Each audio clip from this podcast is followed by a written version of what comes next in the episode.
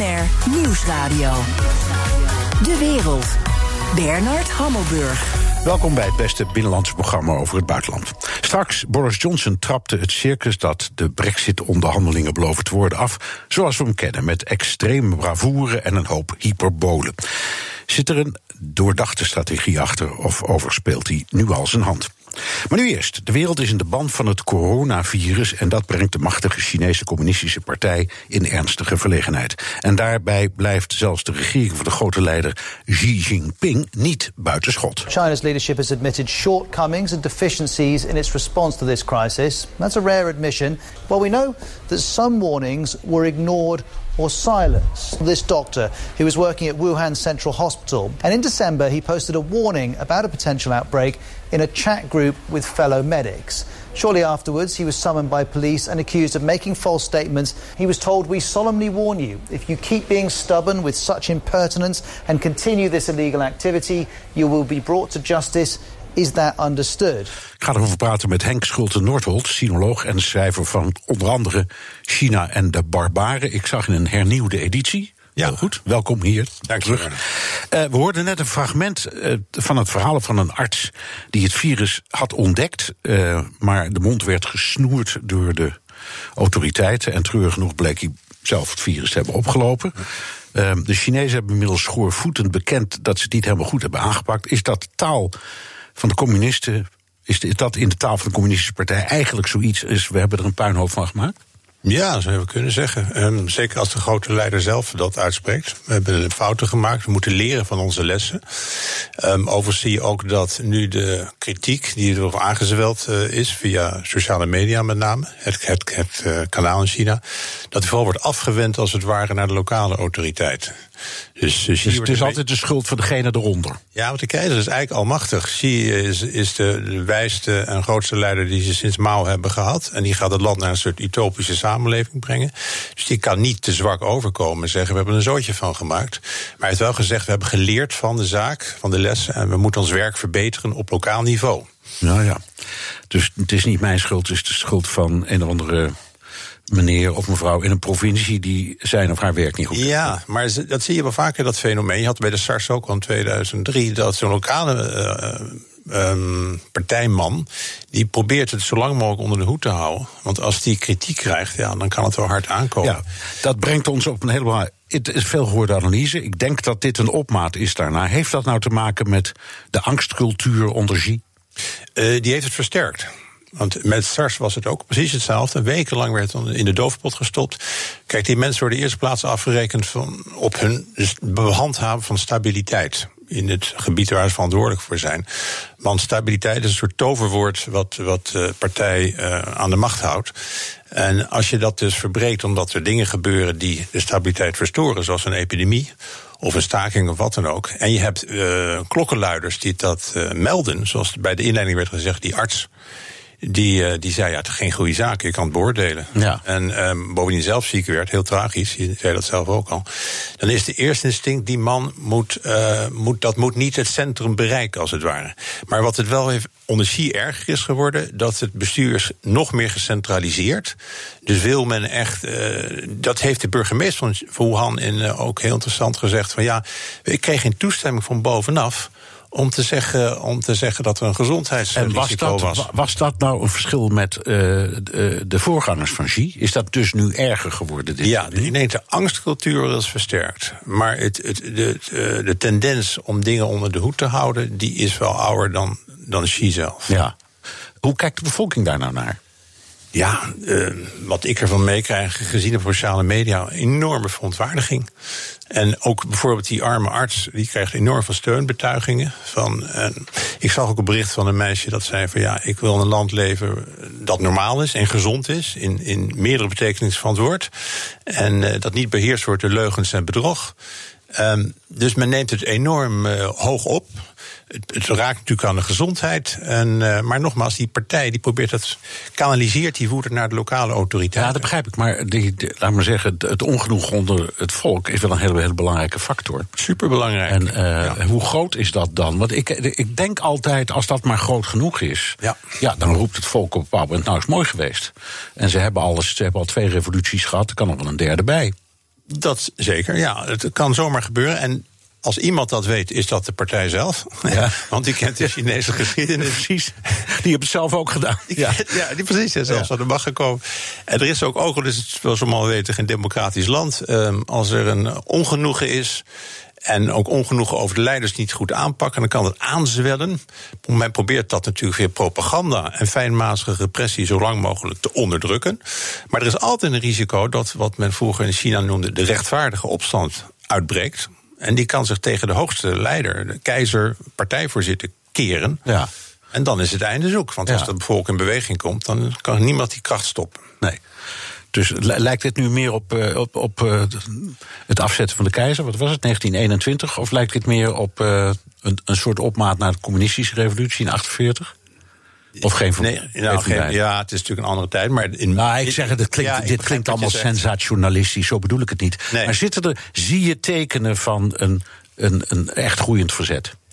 Die tekenen zijn heel moeilijk te lezen. Ja. Want uh, nogmaals, als alles wordt gecensureerd. Is, en en, die, en de, de controle over de samenleving, mede dankzij de moderne technologie. Kunstmatige intelligentie, gaan maar door gezichtsherkenning. Hij geeft de machthebbers wel veel meer wapens dan ze vroeger hadden. Maar in, de, in, in, in wezen, de, de onrust waar het uit voorkomt. U mag, u, u, uw macht, meneer de keizer, is voorwaardelijk. Namelijk deugdzaam bestuur. En hou ons uh, gezond en in leven. Dat, die is niet veranderd. Ja, door het buitenland wordt. Um veel met beschuldigende vinger naar China gewezen. En vooral door de Amerikanen. Doet ze dat pijn in China? Ja, en kijk, iedere kritiek wordt sowieso politiek geïnterpreteerd. Ja. Um, dus je hebt de goede kritiek van mensen die zeggen: ja, we maken ons om, zorg om de gezondheid van onze eigen burgers en die van China. Ja, en kunnen we misschien helpen? Dat is ook kritiek. Kunnen we helpen? Ja, ja. Um, een zeldzame pluim kreeg Japan, want die eh, had ook eh, dat soort geluiden laten horen. Maar als je zegt, zoals iemand van de WHO dat zei, niet die baas zelf, want die, die struikelde ook over de lof voor, voor Xi Jinping. Maar een andere man die was afgetreden, zei het is eigenlijk verwerpelijk, reprehensible, dat ze drie weken lang op lokaal niveau onder de hoed hebben gehouden. Is het natuurlijk ook. Volledig onverantwoord. Ja. Nog even terug naar die, die repressie uh, onder Xi. Uh, wat merkt eh, de gewone burger daar nou van? Behalve, behalve in dit soort omstandigheden, dan ziet hij het om zich heen gebeuren, maar in het dagelijks leven. Nou, kijk, als je, je moet er nog voorzichtiger zijn hoe je communiceert via WeChat bijvoorbeeld, waar iedereen mee communiceert in China. Dat is het WhatsApp van WhatsApp China. Van, van China. Um, je wordt heel snel, daar hebben ze een mooie kreet voor, geharmoniseerd. Dat betekent als je dingen zegt die niet in overeenstemming zijn met de harmonische samenleving die wordt gepredikt, dan word je dus verwijderd, de berichten die je plaatst. Um, ze merken bijvoorbeeld ook dat humor, ook spot drijven met de grote leiders is niet meer geaccepteerd. Onder vorige leiders was het zo, nou doe maar wat, uh, wat je doet, uh, maar kom niet actief in verzet tegen, tegen de partij. Maar als je nu uh, satirische posters plaatst over Xi Jinping zelf bijvoorbeeld. Winnie de Pooh is die wel. Ja, die gezien, cartoon heb je misschien wel eens gezien. Nou, dat is volstrekt uitgesloten nu. Uh, hij ging naar een restaurant een keer om te laten zien dat hij man van het volk was. Ging hij gestoomde broodjes eten. En toen zei iemand spottend op internet: gestoomd broodje Xi. Ja. En die kreeg twee jaar. twee, twee jaar de bak in. Het doet mij denken aan de nadagen van de culturele revolutie. Die, dat, dat staartje heb ik zelf daar nog meegemaakt. Ja, ja, ja. En wat mij toen het meest opviel was dat punt. Dat de volstrekte ontbreken van enige vorm van humor. Ja. Dat mocht ook niet. Als je een grap maakte, keken ze je woedend aan. Ja, ja, ja het is bijna een religieuze kwestie. Je ja. valt de leiders aan. En dat, dat zegt wel iets over een samenleving. Ja, het mag ook niet meer in het Westen. Hè. De, Nederlandse ambassadeur heeft ook een spotprint aan de kaart gesteld. In Denemarken hebben ze een, een, vlag getekend van de Chinese vlag van die vijf sterren. En dat zijn nu vijf van die bolletjes, van die virusbolletjes. Ja. Nou, iedereen woedend. Ja. ja. Um, ze kunnen dus geen grappen meer maken. Nee. Wat kunnen ze wel om, uh, ik zal maar zeggen, weerstand te bieden? Weerstand te bieden. Of, of, of, of uiting te geven aan hun gevoelens van weerstand.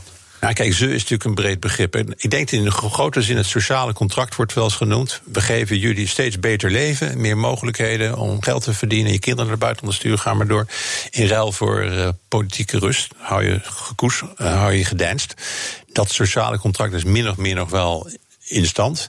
Als je rijk bent en je verzet je, dan ga je naar het buitenland. Ja. Dan verplaats je je kapitaal. En ja, dus uh, hoe breed is dat verzet en hoe organiseert zich dat? Want je hebt één gevoelens van onlust en onvrede en woede. Zijn er ongetwijfeld op grote schaal. Maar als je maar enige manier organiseert, mede vanwege die fijnmazige technologie waar ik het over had, dan word je onmiddellijk uh, gespot. Ja, je, je, dwingt ons naar Huawei, maar we wachten nog even. We komen er direct naartoe, ik beloof het. Mijn gast is sinoloog Henk Schulte-Noordholt. At the time, she was in China in one of the internment camps for Uyghurs, education centers, as Beijing calls them. If you were caught speaking Uyghur, you were locked up in a dark room.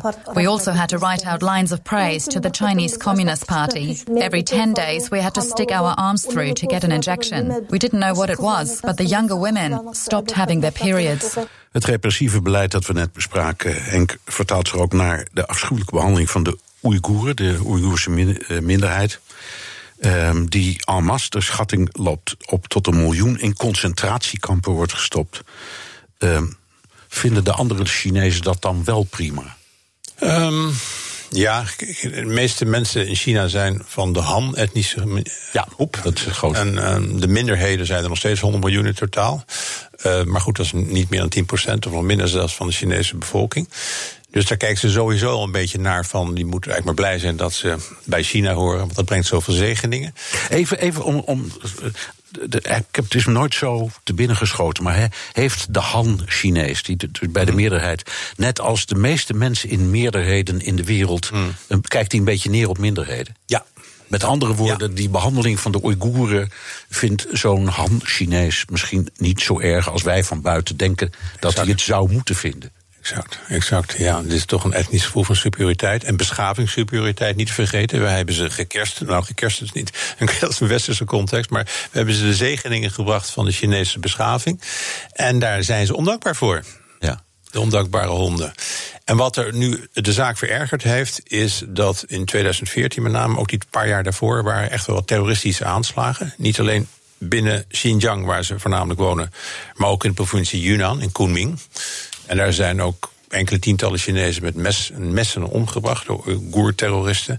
En Xi Jinping was er net aan de macht. En die, die, heeft ook in documenten die uitgelekt zijn nu sinds kort gezegd van nou, we moeten geen enkele genade tonen, we moeten keihard erop ingaan.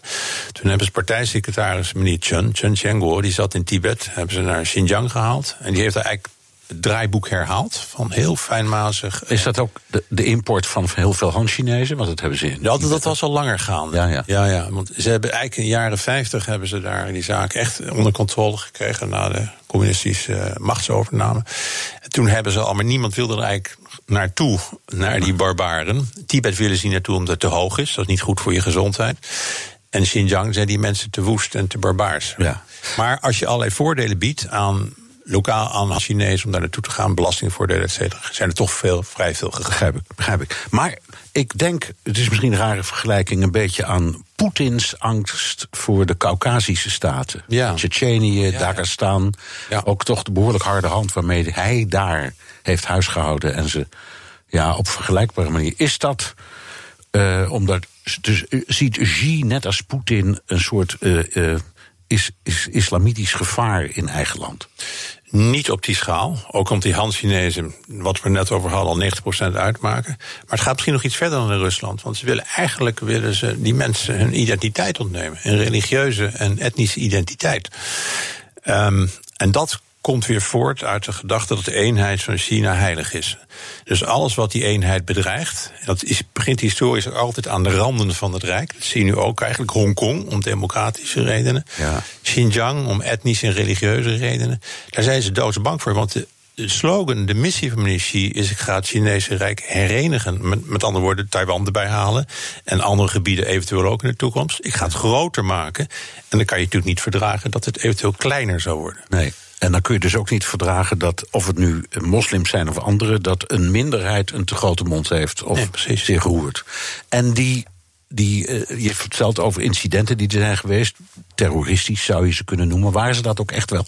Ja, er werden politiebureaus op, opgeblazen en mensen neergeschoten en met messen afgemaakt. Ja, dat ging hard, hard eraan toe. Ja. Overigens alleen in Xinjiang, hè, niet in Tibet. Dat, was, ja, ligt misschien wat een boeddhist, dat boeddhistisch is en Xinjiang is islamitisch. Die, die hanteren wat andere middelen. Maar het ging heel hard aan toe. Maar de kern van het probleem is waar we kort net over hadden, is de immigratie, de massa-immigratie van Han-Chinezen naar dat gebied, waardoor ze een minderheid werden in hun eigen autonoom gebied. Ongeveer 50 procent nu. En, en, en, ja, en die, de onderdrukking van de religie. Die mannen mogen geen baarden meer dragen, geen messen, wat ook in, hun cultuur zit. De, de Hajj naar, uh, naar, Mekka, Mekka werd, werd verboden voor, voor bijna een overgrote deel van de mannen. Dus de, die onvrede nam maar toe en toe. En daardoor kreeg je die aanslagen. En daardoor kreeg je als tegenreactie nu weer die heropvoedingskampen, zoals het uh, ja. eufemistisch En, en uh, om in simpele woorden te houden, gaat het Xi lukken, net als het in Tibet is gelukt, om die bevolking gewoon te onderdrukken? Onderdrukken lukt zeker. Ja, maar goed, om. Ja. Maar de hearts and minds en het Chinees van maken. Ik denk dat het tegenstelde, het tegenovergestelde aan de gang is. Dat het, de, de, de kloof onoverbrugbaar wordt tussen, op, op, zeg maar, op, op lokaal niveau, op buurtniveau, tussen die twee bevolkingsgroepen. Het is volledig gescheiden ook. Je hebt geen enkele gemeente huwelijk of nauwelijks komt nauwelijks voor. Nee. Um, laten we even. We hadden, zijn begonnen met het eh, coronavirus. Um, en, eh, en de manier waarop de Chinezen daarmee omgaan. Gaan. Laten we even een sprongetje maken naar de handelsoorlog. Ja. Uh, die heeft, er is nu een zogenaamd fase 1 akkoord uh, getekend. Dus daardoor komt uh, de Amerikaanse export naar China weer een, een beetje op gang. Um, en nu waarschuwen de Amerikanen zelf dat door dat virus, dat best weer eens kan worden teruggezet. Want China ja. gaat op slot. Ja. En ze waren nu net, het is natuurlijk allebei de kanten uit voor dat lastig. Ja. De Amerikanen denken, nou, we, we hebben iets bereikt, maar eigenlijk niet. Duurt even. Ja, ze nemen een beetje een voorschot op uh, het niet naleven door de Chinezen. En dat, het, dat we sowieso moeilijk zou het geworden zijn. Maar door dit virus. We hadden geloof ik een eerder programma, al anderhalf jaar geleden, als een keer over van, uh, nou, wanneer gaat het akkoord nou komen? En toen zeiden we geloof ik allebei, nou, het gaat in ieder geval voor de, dat de verkiezingen in Amerika plaatsvinden. Ja. En het, het duurt langer. Nog steeds? Nou ja, de eerste fase nu dus wel. Ja. Dus want Trump, ja, ja, Trump heeft dit verkocht als een enorme overwinning. En, en als je echt eh, goed naar dat akkoord kijkt. En als je daar meeneemt de subsidies die ze hebben moeten geven, vooral aan die boeren in het Midwesten die geen sojabonen meer konden exporteren. Nee die tarieven die werden doorberekend aan de consument. Nou, dat is niet zo'n leuk rekensommetje uiteindelijk. Nee, maar uiteindelijk daar hebben ze geloof 24 miljard in gestoken. De Amerikanen in hun eigen. Voor, onder andere in Iowa, waar nu de eerste ja, verkiezingen. Maar dat brengt me op een andere. In die fase 1 overeenkomst staat onder andere dat de Chinezen voor 40 miljard dollar aan sojabonen gaan afnemen. Ja. Wat ik ervan begrijp is dat ze niet weten wat ze ermee aan moeten. Dat is gewoon te veel. Zoveel varkens hebben ze nou ook weer niet. Nee. En dat ze dus maar bij het kruisje hebben getekend voor de goede vrede en om de zaak op gang te houden. Ja. Ja. En voor Trump was het natuurlijk heel belangrijk, want ja, ging weer over Iowa, daar had hij zijn eerste voorverkiezingen. Dus ja. hem begrijpen we wel. Ja. Maar waarom hebben die Chinezen dit getekend? Ja, ook omdat Amerika toch nog steeds wel belangrijk is als exportmarkt. De Chinezen eh, van totale export gaan ongeveer een kwart naar Amerika. Ook een kwart naar Europa, dus de helft naar eh, Europa en Amerika. En dat, die, die exporteurs begonnen toch wel schade te lijden. Ik weet niet precies hoe groot die vraag naar sojabonen is. Ze hebben inderdaad ook zelfs de varkenspest gehad. Maar dat er veel sojabonen nodig zijn, is waar. Ja. Maar ze hadden ook een soort ontbindende voorwaarde. Zoals je in ieder contract hebt, een soort force majeure. Als er rare dingen ja, gebeuren. Ja, die is nu ingeroepen, geloof ik. Ja, die is ingeroepen. Want de, ja. ik, ik, las dat uh, ze hebben nou de tarieven op ruim 1700 Amerikaanse uh, goederen willen ze halveren. Ja.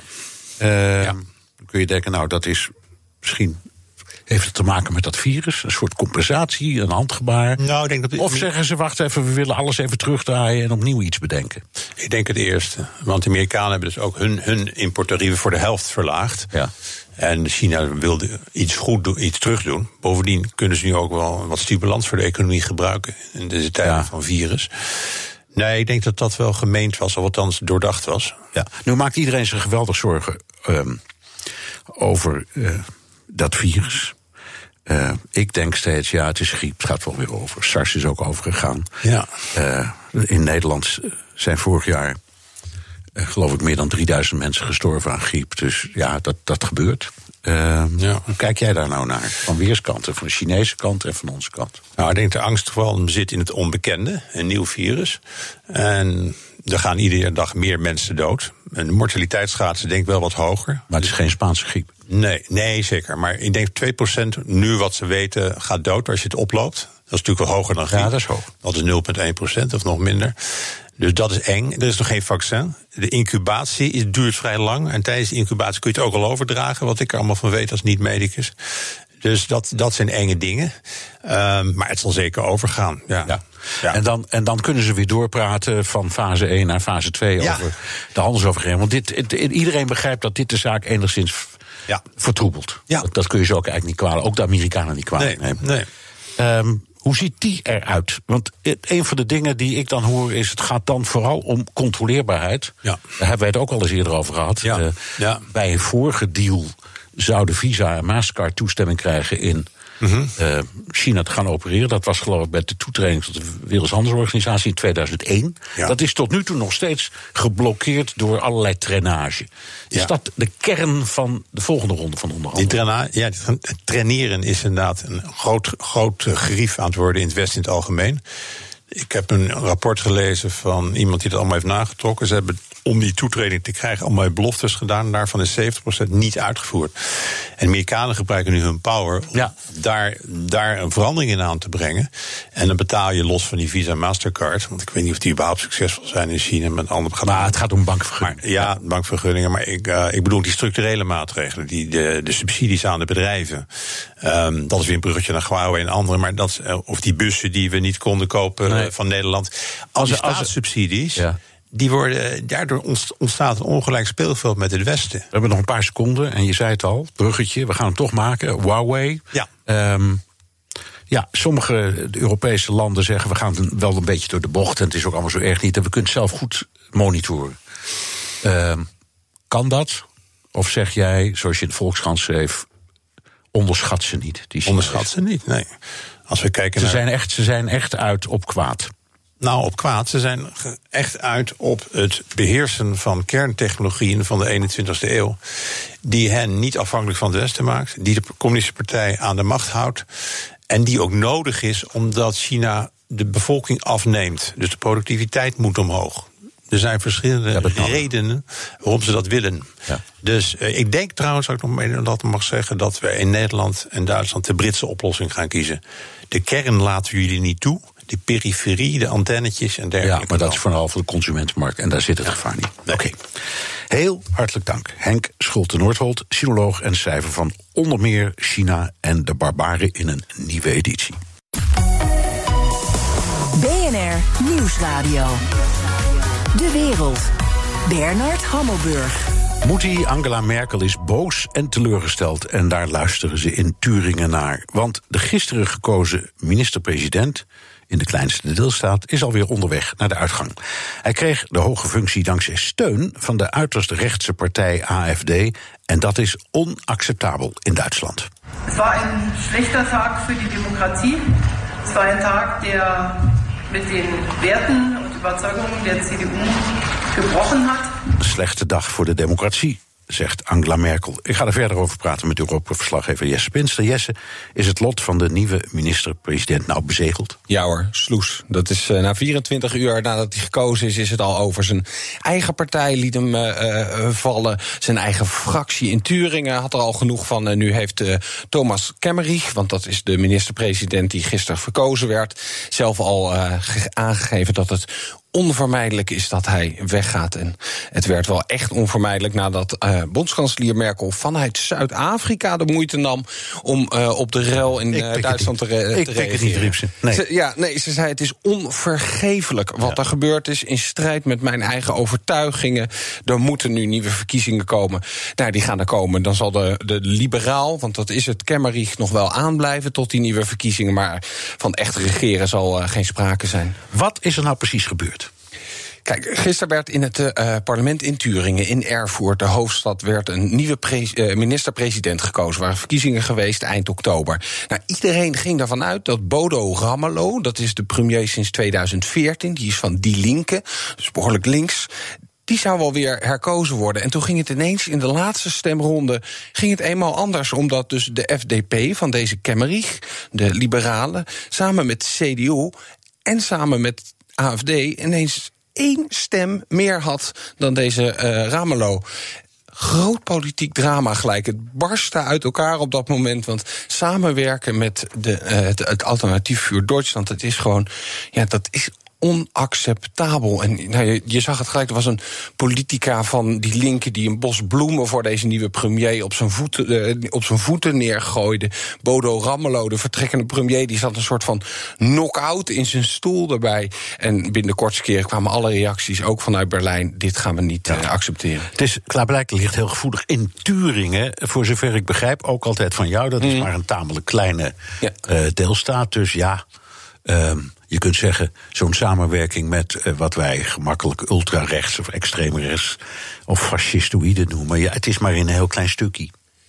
Ja, maar er zit toch een, een, behoorlijke lading achter, hoor. Ik heb daar inderdaad een paar jaar uh, geleden, in 2015, heb ik er een paar maanden gewoond. Toen was Alternatief voor Duitsland nog met een soort richtingenstrijd bezig. Je had aan de ene kant de, de eurosceptische anti-euro-beweging binnen de partij... en je had de rechtse, uiterst rechtse anti migratiekant eigenlijk. Nou, die anti-migratiekant die heeft gewonnen. Eigenlijk in Duitsland, maar nergens zo erg als in Turingen. Want daar is de partijleider Björn Hukke. En ja, dat is de rechtsbuiten van een uiterst rechtse partij. Die staat zo ver naar rechts dat hij eigenlijk ver buiten het speelveld al staat. Dat is de man die het had over het Holocaust-monument in Berlijn. Dat dat een schande was dat dat er uh, was. Daar is hij voor vervolgd. En, uh, maar hij is gewoon, zit nog steeds in de partij en die zit daar. Dus weet je, ik kan me een, een bijeenkomst herinneren waar een discussie was tussen een oud hoofdredacteur en iemand die heel voorzichtig wat sympathie voor die partij probeerde te uiten. Die werd gelijk weggekielhaald. Nazi was het. Oké, okay. uh, nou, nou is, het blijft een klein staatje. Maar het maakt het, begrijp ik, nog pijnlijker ja, ja, dat het juist in Turingen Ja, omdat er ook nog een, een, een historische uh, link zit. Turingen is de plek waar de partij van Adolf Hitler, de NSDAP, voor het eerst een minister leverde. Dat gebeurde begin 1930 al. En dit is dus ook de plek geweest waar die partij voor het eerst zijn, zijn ideeën in praktijk heeft kunnen brengen. Weet je, en dat maakt deze associatie zo, zo, zo pijnlijk binnen Duitsland. Bodo Ramelow, ik noemde hem al even, die twitterde gisteren een uh, bericht, een, een, citaat van Hitler, waarin hij zegt: Groot succes in Turingen. Wij zijn de bepalende partij, zonder ons geen meerderheid. Dat was 1930. En nu, 90 jaar later, zie je precies hetzelfde gebeuren. Er zat nog een foto bij van een uh, Hitler die op bezoek is in Erfurt met een beetje gebogen hoofd daar staat. En daar had hij dan een foto naast gezet van deze Hukke, dus de AFD-partijleider, die die nieuwe premier feliciteerde. En nou ja, dat is zeg maar de, de, de context waarin dit gebeurt en waarom dit tot zoveel emoties leidt. In we, we begonnen net met de verontwaardiging van Merkel. We snappen nou precies waar het over gaat. Dankjewel, Europa-verslaggever Jesse Pinster. De Donald Show. Tijd voor een update uit de United States of Trump met onze correspondent in Washington, Jan Postma. Jan, Trump heeft sinds de impeachmentstemming van gisteren een nieuwe aardsvijand en die heet Mitt Romney. Ja, zeker wel, Bernard. Uh, we, lachen wel eens een klein beetje om die windvaan. Romney hè, soms met alle winden mee. Maar hij is de eerste senator in de Amerikaanse geschiedenis... die voor het afzetten van een president van zijn eigen partij stemt. Dus dat is wel historisch. Hij, deed een emotioneel betoog waarin hij uitlegde dat hij echt niet anders kon. Uh, briep zich op zijn geloof. En hij wist natuurlijk dat hij grote problemen zou krijgen... als hij tegen Trump in zou gaan. Dus hield hij het geheim. Ook voor het Witte Huis. Die waren compleet verrast. En uh, Romney had onder embargo wel al wat interviews gegeven gegeven, onder andere aan Fox News. You realize this is war. Donald Trump will never forgive you for this.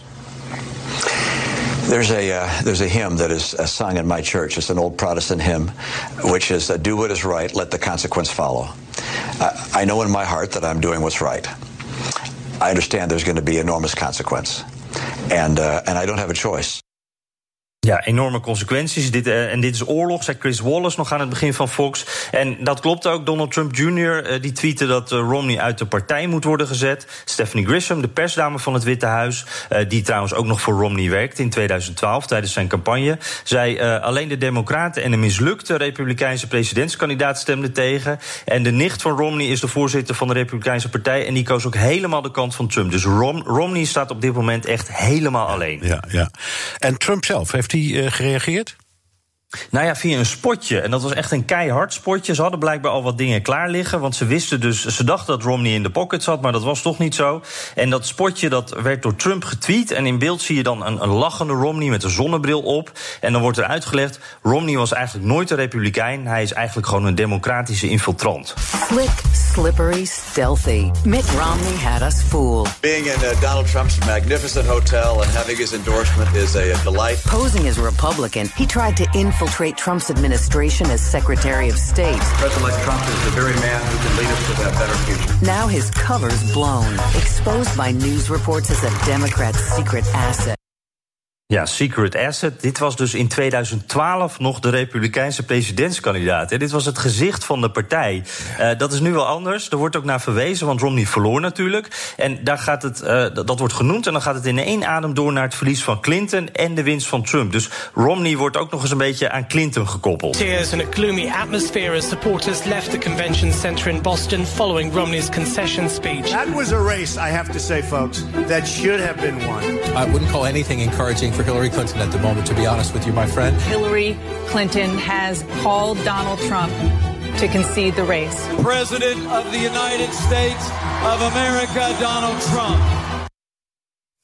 Ja. Ja, zo snel kan dat gaan. Ja, en uh, hoe lang moet Romney nu op de blaren zitten? Want een kenmerk van al dit soort dingen is dat het waait altijd over bij de volgende crisis of discussie of debat over, noem maar wat, eh, de begroting of uh, de Iran-kwestie. Dan is het altijd meestal weer weg.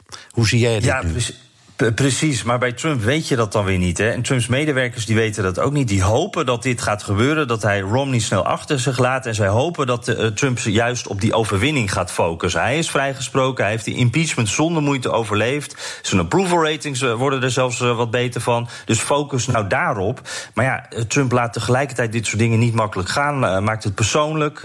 hij wilde natuurlijk vrijgesproken worden door senatoren uit beide partijen. In plaats daarvan werd het andersom. Hè? Er was juist iemand die een republikein die overstapte. Uh, hij geeft rond zes uur Nederlandse tijd zijn officiële reactie. En, en nou, ik ben wel heel benieuwd of hij dan ook Romney noemt. Ja, heeft Romney in de Republikeinse Partij ook medestanders?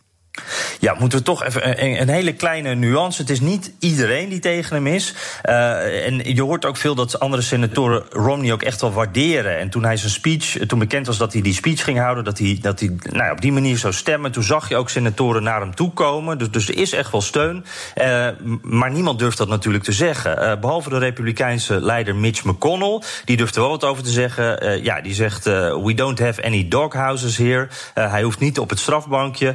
volgens McConnell is, uh, die zegt van ja, de volgende stemming is eigenlijk altijd de belangrijkste stemming. Dus hij is gewoon pragmatisch, uh, zoals we hem eigenlijk ook kennen. Hij wil Romney's stem niet kwijt. Nee. En Romney heeft nog vier jaar tot herverkiezingen. En hij zit daar dus in principe nog wel even. Ja. Maar in conclusie wel, Bernard, met deze reacties is het gewoon weer heel wat moeilijker geworden om tegen Trump in te gaan. Ja. Dankjewel, Jan Postma, onze correspondent in Washington. En wilt u meer horen over dat fascinerend land? Luister dan naar de nieuwe Amerika-podcast van Jan en mij. Die staat uh, heel snel al offline, op lijn, online. BNR Nieuwsradio. De wereld. Bernard Hammelburg. De Britse premier Boris Johnson laat er bepaald geen gras over groeien... nu de echte brexit-onderhandelingen zijn begonnen. Elf maanden hebben de Britten er om met de EU uit te komen. Althans, dat wil Johnson. En dat luidde Bojo in met een gesprek met een gestrekt been richting Brussel. There is no need for a free trade agreement to involve EU rules on competition policies, subsidies, social protection, the environment or anything similar. Any more than the EU should be obliged to accept UK rules. The UK will maintain the highest standards in these areas, better in many respects than those of the EU. Ik ga erover praten met Patrick Bernhard, kenner van de Britse politiek en schrijver van onder meer Boris Bestemming Bereikt. Goedemiddag. Goedemiddag. Ja, uh, die Boris uh, uit Boris Bestemming Bereikt is natuurlijk Boris Johnson. We hoorden net in dat fragment fel van leer trekken tegen de EU. Wij hoeven geen handelsakkoord als we ons aan jullie regels moeten houden, schreeuwt hij. Uh, ja. Gelooft hij dat nou zelf? Of is het allemaal een spelletje van extreem hoog inzetten en dan maar kijken wat je eruit haalt? Het is denk ik allebei. Het is, uh, het is een beetje tromgeroffel. Het is heel uh, trots zijn op de grootheid van, uh, van Groot-Brittannië. Daarom heeft hij denk ik ook de, de die plek Greenwich gekozen. Ja, ja dat is de, de plek van de Shepherd Gate Clock.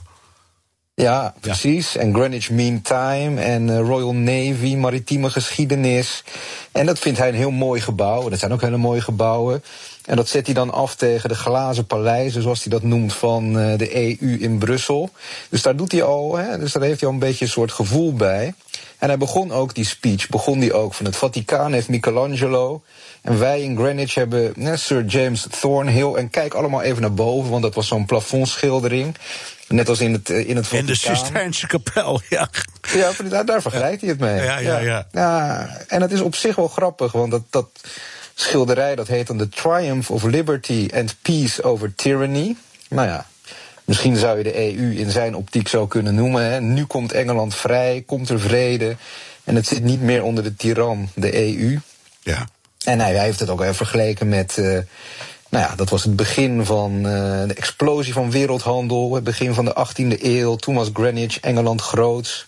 Dus hij roept een bepaald soort gevoel ook op hè, met ja. zo'n met zo'n toespraak. Ja, en Greenwich is een beetje het centrum van de wereld. Zoals voor de Fransen dat Parijs is en voor de Chinezen Beijing. Dus, uh, nou, Oké, okay, het is allemaal symboliek. Um, mm -hmm. uh, en dat, dat kan en dat mag. Maar wat, wat viel jou nou op, behalve die symboliek? Nou, dus inhoudelijk bijvoorbeeld. Uh, uh, want het, het moet ergens heen gaan. Ja. Nou ja, het, het, het, meest opvallende was dat hij Brexit niet noemde in die hele toespraak. Hij zei: We hebben een project afgerond waarvan de naam begint met een B. En het ligt achter ons. Dat doet hij ook bewust. Maar dat is natuurlijk nog helemaal niet zo. Want fase 1 is misschien afgerond, maar nu begint fase 2. Um, en hij zegt dan. Uh, hij, hij, strekt zijn hand uit naar de Commonwealth. Daar begint hij mee, wat ook wel interessant is. Dus de, de, het gemene. Het, het oude Britse Rijk. Het oude Britse Rijk, dan naar Amerika. En dan zegt hij bij waar in Engeland eh, men bang voor is, de NHS, hè, dus de, de, de, gezondheidsservice, is niet te koop en de voedselstandaarden blijven intact. En pas als derde noemt hij dan de EU. En dan zegt hij, we willen een vrijhandelsakkoord dat op dat van Canada lijkt. Zo niet, dan een relatie als met Australië. Ja. En, eh, Oké, okay, en, en wat, wat, is, wat is daar zo bijzonder aan dan, die, die uh, relatie met Australië? Ik, ik weet dat ze, ja, in, ze zitten in een veiligheidsakkoord met alle Engels sprekende landen, maar verder? Maar verder is er dus helemaal geen handelsakkoord nog tussen de EU en Australië. Dus dat is. Dus mensen denken, ja, waarom doet hij dit nou? Nou, hij doet dit om no deal, wat dat in, in principe zou zijn, terugvallen op de, de, de WTO-regels, om dat niet te noemen. Uh, het no-deal uh, scenario. Hij noemt het dan liever een relatie met Australië. Hè, zoals de EU met, met Australië heeft. Dat is natuurlijk, dat is natuurlijk in, de, in de ogen van de Brit is dat een buitengewoon sympathiek land. Precies. Ja. Precies, dat doet hij ook, dat doet hij ook vaker, uh, verwijzen naar andere landen, om een soort gevoel op te roepen. Hè? Dus het Australische puntensysteem op het gebied van immigratie. Hè, Australië is welvarend, westers, bondgenoot, modern. Dus daar heb je een bepaald soort gevoel bij. Ja, maar dat, dat stopt, dat, dat, dat, stopt zijn immigranten op een soort onbewoonbaar eiland. Dus uh, het is ongeveer het meest, ja, de ja. meest onmenselijke in het rijtje van landen dat uh, vluchtelingen opvangt. Ja, maar dat doen ze bewust. En met Dominic Cummings, zijn adviseur, dan, dan gaan ze in focusgroepen gaan ze allerlei soorten bewoordingen testen. En ook dit, zo'n Australisch model, dat klinkt goed. Dus daarom gebruikt hij het. Ja. Zoals en, ook. Maar en die toehoorders weten dat, dat dat eiland er is met vluchtelingen. Nou, dat weet ik niet. Dat weet ik niet. Het is, nee, gewoon, het is meer een emotie van uh, de Aussies en de mates. En, uh, Precies. Ja, aardigste ja. mensen van. Uh, het zuidelijke Holland. Ja, onze vrienden zijn dat en uh, oude vrienden. En nou ja, dat is gewoon prettig om op die relatie dan ook met de EU uh, uh, te handelen. Ja. Maar goed, dat heeft, dat heeft dus geen inhoud. Dat is allemaal symboliek. Um, dat is symboliek. Ja. Er is ook een. Maar richting, ja? Ja, richting de EU zegt hij dan wel, wel inhoudelijke dingen. Zoals we gaan niet dumpen. Het wordt geen race to the bottom, hè, waar de EU bang voor is. Kijk naar de staatssteun. Frankrijk en Duitsland doen het meer dan wij. He, dus wij zullen onze standaarden die we hebben, die zullen we, gewoon, uh, die zullen we gewoon in stand houden. Maar dat hoeft niet in een verdrag. Dus hij, dat, dat is zijn inzet. Ja. Uh, Oké, okay, uh, ehm, er wordt voortdurend gesproken. Hij doet het ook maar in afval in Groot-Brittannië en ook bij ons eh, over de visserij als sector. Ja. Het is een soort van metafoor geworden voor wat er allemaal doet. Onze correspondent Lia van Beckhoven zei vorige week in de, in de grote BNR-Brexit-uitzending: Het is een sector met ongeveer dezelfde omzet als het warenhuis Harrods. Waarom leggen ze er dan zoveel nadruk op? Dat is ook symbolisch, het is ook belangrijk. Hè? Engel, Engeland, zeevarende natie, wil controle over zijn eigen wateren houden. En nu eindelijk is dat mogelijk door de brexit. Dus hij noemde ook in die toespraak, noemde hij ook visserij. En daar zei hij dan van, ja, en wat we willen is jaarlijks onderhandelen met de EU. Eh, en dat, dat willen we dus. gaan doen. Over, over, over visquota, dus. ja. Nou, over visquota, nou ja, de EU ziet hem aankomen. Elk jaar moeten ze dan opnieuw gaan onderhandelen. Ja. Ja, en voor de, en voor de Europese, bijvoorbeeld de Nederlandse visserij, is het echt wat. is echt meer dan de omzet van Harrods, hoor, wat daar omgaat. Ja, heel belangrijk. Ja. Ik, ik, was ooit op een diner van zo'n met, met van ondernemers. En een van die mensen kwam uit de visserijwereld. Die vroeg toen aan, dat was iemand toen van het Brexit Department uit Engeland, van. Nou, hoe kijken jullie daar tegenaan? Nou ja, gewoon. Dat is dan vooral gewoon, als die Brexit er is, is dat gewoon van ons. Gewoon, en voor Nederland is het heel belangrijk en voor Engeland. Dus dat is een, dat is een heet hangijzer. Ja.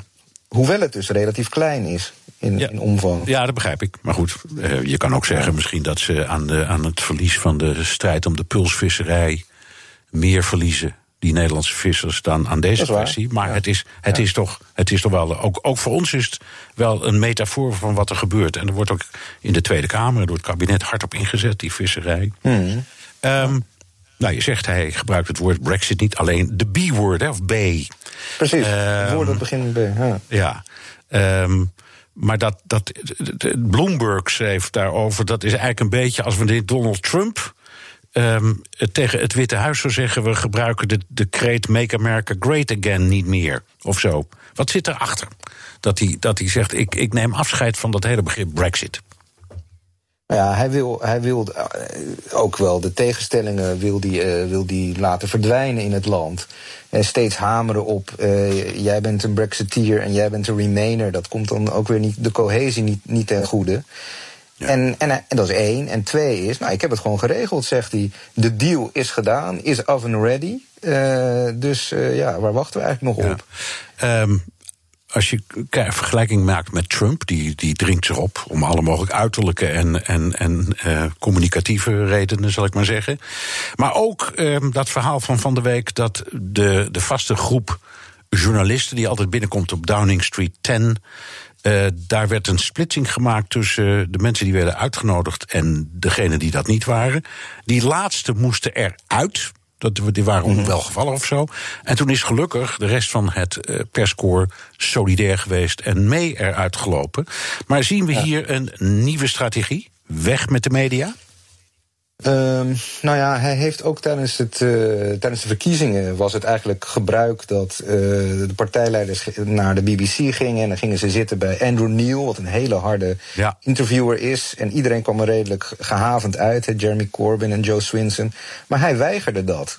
Dus het is niet een nieuwe tactiek om, om, om zich te onttrekken aan bepaalde media nou ja, verplichtingen. Uh, maar het is wel een tactiek die hij hanteert. En dat zie je ook inderdaad bij Trump. Op die, vroeger onder Obama waren er altijd van die. Uh, van, die van, die, ja, van die persconferenties. Ja, nou normaal in het, in daar in die ja, in het Witte Huis was het gebruikelijk dat er elke dag een briefing was van de woordvoerder. En ja. met enige regelmaat de president zelf. Maar eerlijk gezegd, Obama had er een bloedhekel aan. Dus die deed het ook zo min mogelijk. Nee, maar het was inderdaad ja. dus met, die, met, de, met de verantwoordelijke. Ja, je kreeg wel, je kreeg wel woordvoerderssprekers. Nou, ook geen sprake precies. meer van. Nee, precies. Dus was Sean Spicer, wat nog wel. Nou ja, ja spannend was. En, uh, maar dat, dat zie je ook niet meer. Nee. En, en nou ja, hier zou het in Engeland ook die kant op kunnen gaan. Dat, dat ze bepaalde media uitkiezen. En met name ook hun eigen media. Social media. Facebook, Prime Minister's Questions. Dat soort uh, ja, nieuwe technologische mogelijkheden, ja. dat ze die behandelen. Je, je noemde al uh, Dominic Cummings, dat is de spindokter. Is dit die achter al dit beleid? Of is het ook wel Johnson zelf? Uh, uiteindelijk is het uh, Johnson zelf. Nee, die is verantwoordelijk. Die maar ik bedoel het, ja. het bedenken van uh, zo'n tactiek. hoe je met de media ja, omgaat. Nou, hoe je je uitdrukt. Daar, ja. Precies, dat is ook de man achter de slogans. Uh, get Brexit done, uh, take back control. Uh, ja. Wat hij enerzijds op gevoel doet, anderzijds heel erg op, op focusgroeps. dus die zit, daar, die zit daar wel achter. Achter een bepaalde tactiek en communicatie. Ja. Strategie. Ja, nu heeft Johnson haast. Hij wil het in elf maanden af hebben. Uh, iedereen roept dat kan helemaal niet, maar misschien kan het wel. Wie zijn wij om te zeggen als je hard werkt dat je die kunt bereiken? Maar hij zit tegen, me, tegenover Merkel, Macron, Rutte. Allemaal nu kracht behoorlijke invloed. Hoe staat hij tegenover dit soort tegenstanders, gesprekspartners? Kan hij dat? Nou ja, hij, hij, hij denkt hoe Theresa May het aan heeft gepakt, dat was ongelooflijk slecht. Dat was heel erg zwak hoe ze dat gedaan heeft. En ik ben, als we het toch over Trump hebben, ik ben toch meer van de lijn Trump. Ik, uh, ik ga er hard in. En dan zie ik wel waar ik terecht kom. Ja. Dat heb ik ook gedaan toen bij die, uh, dat terugtrekkingsakkoord. Toen zei hij ook, nou, ik ben niet uh, te beroerd om van tafel te, te stappen. En ze zoeken het maar uit. Het werd altijd verweten aan Theresa May in de kringen van, van Johnson dat ze dat nooit gedaan heeft. En dat is onderhandelen. Dat je gewoon een plan B ja, hebt, of ja. dat je plan A gewoon helemaal weg uh, schiet. Dus dat, dat, dat zou hij blijven doen. Ook omdat hij nu die uh, gigantische meerderheid heeft in zijn eigen lagerhuis ja. na de verkiezingen. Dus daar staat hij heel erg sterk. En aan de andere kant heb je Merkel, die zit aan het eind van de termijn. Macron heeft de gele hesjes. In ja. Nederland komen de verkiezingen aan. Dus hij staat eigenlijk van de Europese regeringsleiders, staat hij, is hij een van de sterkste. Ja. Dus, dus um, ja, als je het allemaal zo hoort, dan denk je, kan hij anders, wat mee betreft, heeft hij gewoon een punt. Die heeft het niet zo geweldig gedaan. Hij wel, hij krijgt het ja. allemaal voor elkaar. Ja. Dus misschien moeten we wel denken, heel goed Boris, je doet het eigenlijk best aardig, toch? Ja, maar daar moet de EU zijn eigen strategie op aanpassen. Wat ze in de eerste uh, fase goed hebben gedaan, ja. is dat ze, zich, uh, dat ze elkaar niet hebben laten uitspelen.